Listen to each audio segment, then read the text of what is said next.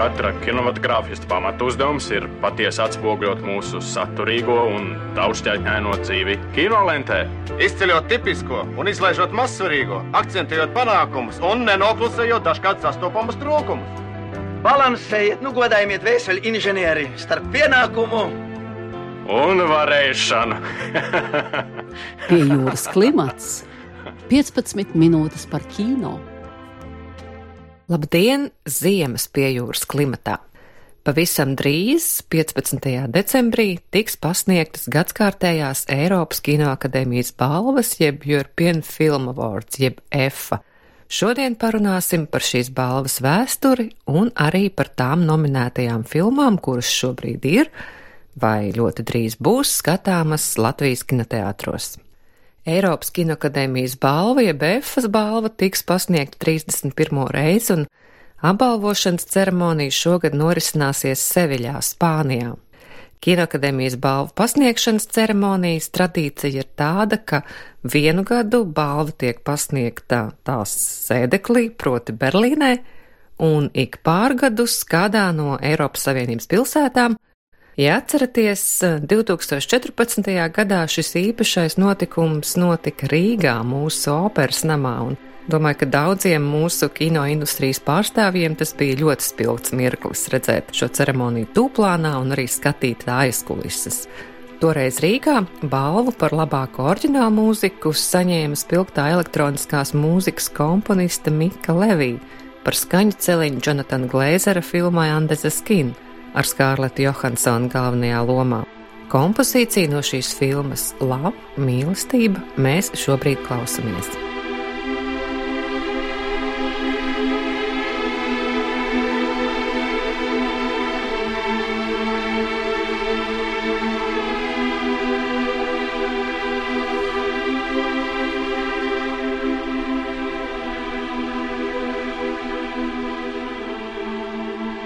Eiropas Kino akadēmijas sākums ir 1988. gadā.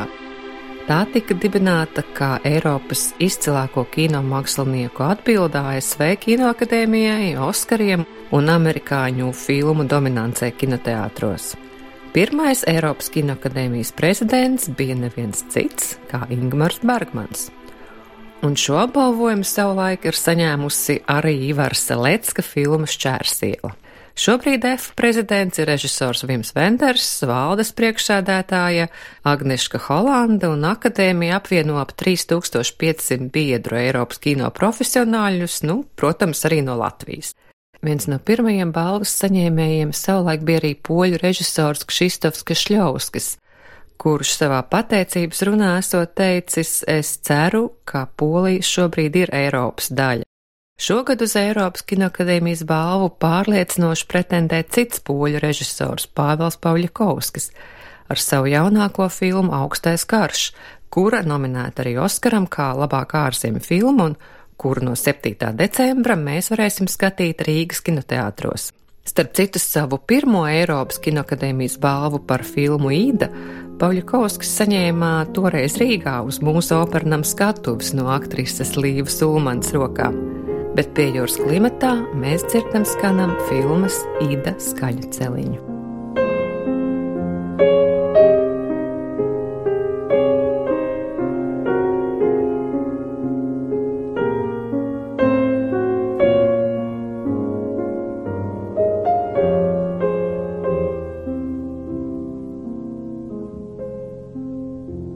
Filma Ida ne tikai atnesa Pavļakovskim pasaules slavu, bet arī savā ziņā pārsteidza visus kā tāds negaidīts brīnums. Lai gan kino un televīzijas industrijā 1957. gadā dzimušais Pavļakovskis bija strādājis jau labu laiku, un viņa darbi bija arī novērtēti ar prestižām balvām. Tomēr Rīdā filma, kas atnesa viņam vispasaules slavu, bija pirmā, ar kuru viņš kā režisors atgriezās Polijā veidojot filmu ļoti polisku, ļoti austrumēropisku un tai pašā laikā universālu. Līdzīgi ir ar viņa jauno darbu Augstais karš, kas ir izteikts Austrumēropas polijas stāsts, un vienlaikus mīlestības stāsts, kā saka pats Pauļakovskis, melodrāma, saprotam jebkur pasaulē. Arī augstais karš pretendē gan uz Eiropas kinokadēmijas balvu, gan Oskaru kā labākā ārzemju filma. Paklausieties, ko Pāvils Pauļakovskis stāsta par filmas augstais karš tapšanu. Well, this one is a funny one because it felt, you know, thinking of it and writing it, it felt like a kind of two-hander, very intimate Uh, Jā, dīvaini. Sākot rakstīt filmas scenāriju, es domāju, ka tas būs kamerstāsts par diviem cilvēkiem, bet pamazām tas izauga par episku vēstures un laikmetu attainojumu. Sākumā producenti un finansētāji lasīja scenāriju un priecājās. O, cik labi, tikai pāris tēlu, nu labi, trīs, četri, un tad parādījās Austrum Berlīna, Parīze.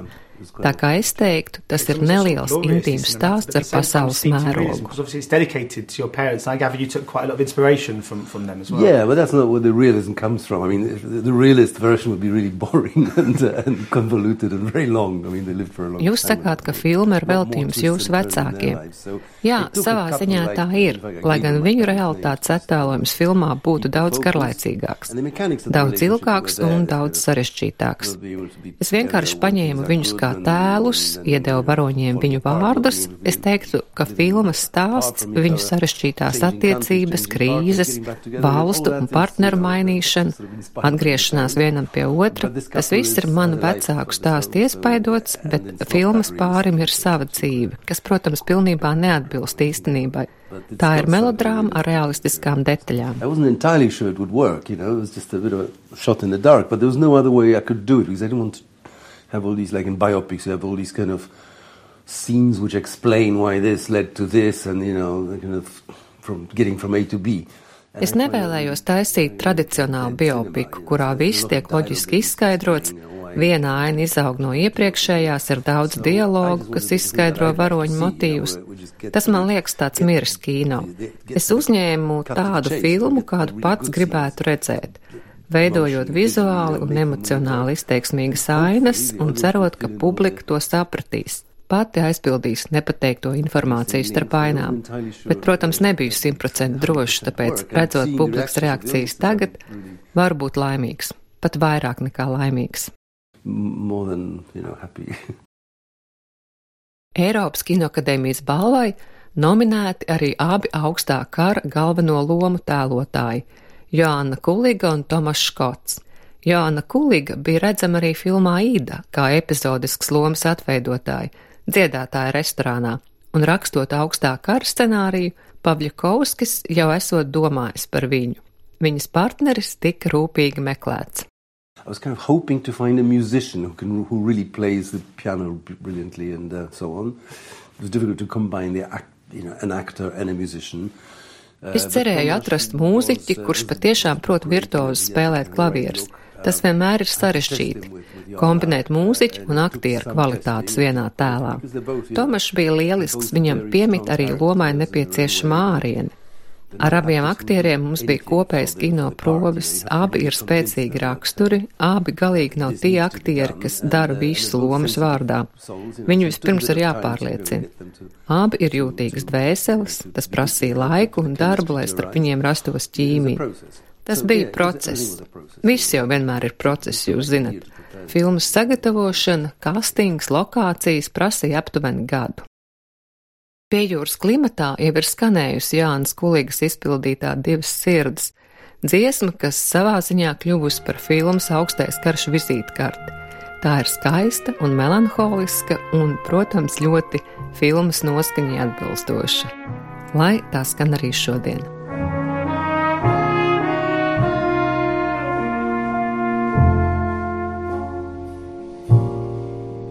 Dwa serduszka, cztery oczy. Oj, oj, oj. Co płakały we dnie w nocy. Oj, oj, oj. Czarne oczka, co płaczecie, że się spotkać nie możecie, że się spotkać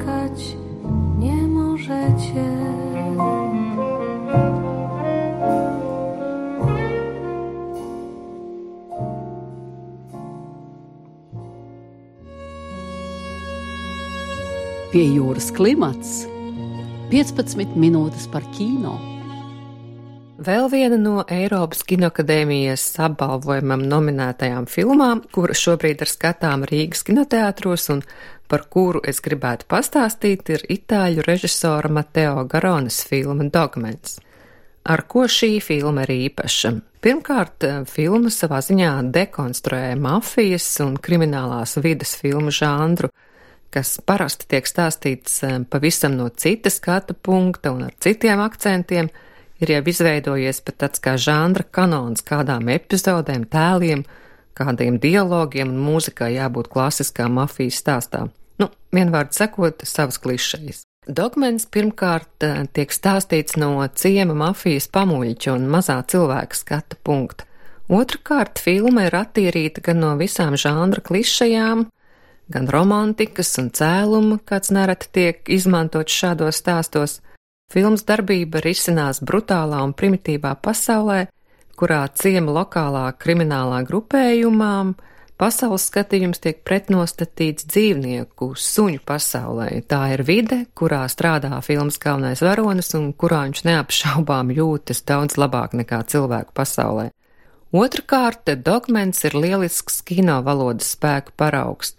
Tajā gluži kā Pavļikovska filmās nav daudz dialogu, pļāpāšanas, skaidrošanas skatītājiem ar teksta palīdzību.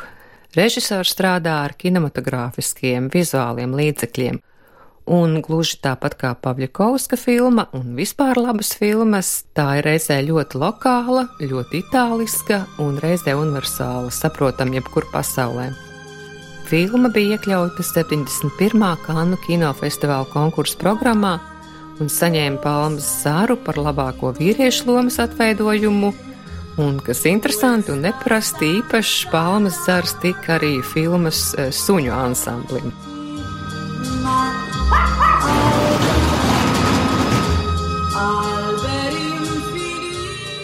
Eiropas Kinoakadēmijas balvas tiks pasniegtas 15. decembrī. Balvu pasniegšanas ceremonijai varēsim sekot līdzi arī internetu tiešraidē, Eiropas Kinoakadēmijas FA internetvietnē, bet eh, filmas skatīties uz lielā ekrānā Latvijas kinoteātros. Pavisam drīz nominēto filmu lokam mūsu repertuārā piepulcēsies arī filmas Laimīgais Lācars un meitene. Kino kalendārs raidījuma izskaņas atlikušajās minūtēs vēl pastāstīšu par kino notikumiem, kurus nevajadzētu palaist garām. Piemēram, kinoteātrī Kino Bīzē no 7. decembra būs skatāma slavenā amerikāņu, nu jau var teikt, kino klasiķa, Martina Skorsēzes filmu retrospektīva. Programmā iekļautas tādas viņa zelta fonda lentes, kā Alisa šeit vairs nedzīvo un ļaunās ielas, kā arī leģendārā 1976. gadā uzņemtā lenta taksists ar Robertu Denīro, taksista sociopāta lomā. Vērts paskatīties arī šodien. Piebildīšu, ka Skorsēzes filmu retrospektīva ir brīvieejas pasākums tieši tāpat, kā 8. decembrī kinoteātrī Splendid Palace visas dienas garumā skatāmās simtgades filmas. Tā ir programmas veidotāja pateicības dāvana 300 tūkstoši Latvijas skatītājiem, kuri līdz šim jau ir noskatījušies Latvijas filmas Latvijas simtgadēji. Lūk, ar kādiem pateicības vārdiem jūs, mīļie skatītāji, tiekat aicināti uz kino. Mīļais skatītāji, paldies par redzēšanos! Bez tevis Latvijas simtgades filmu programma nebūtu iespējama. Artur, no? vai negribi arī kaut ko pateikt? Un tev paldies! Bille, Paldies! Paldies! Paldies! Paldies! un jūs jaunais cilvēks, Uh, paldies, paldies! ļoti jauki! Paldies! Par vairāk nekā 300 tūkstošu skatītāju kinozālēs, par aplausiem, ovācijām, par tūkstošiem patīk un komentāriem internetā. Paldies par redzēšanos! Bet pie jūras klimats un es, Kristīna Žēlove, šodien atvados. Raidījumu samontēt man palīdzēja Andra Černievska, producēja Inga Saksona un Agnese Zeltiņa, atbalstīja, kā vienmēr, Kultūra Kapitāla fonds.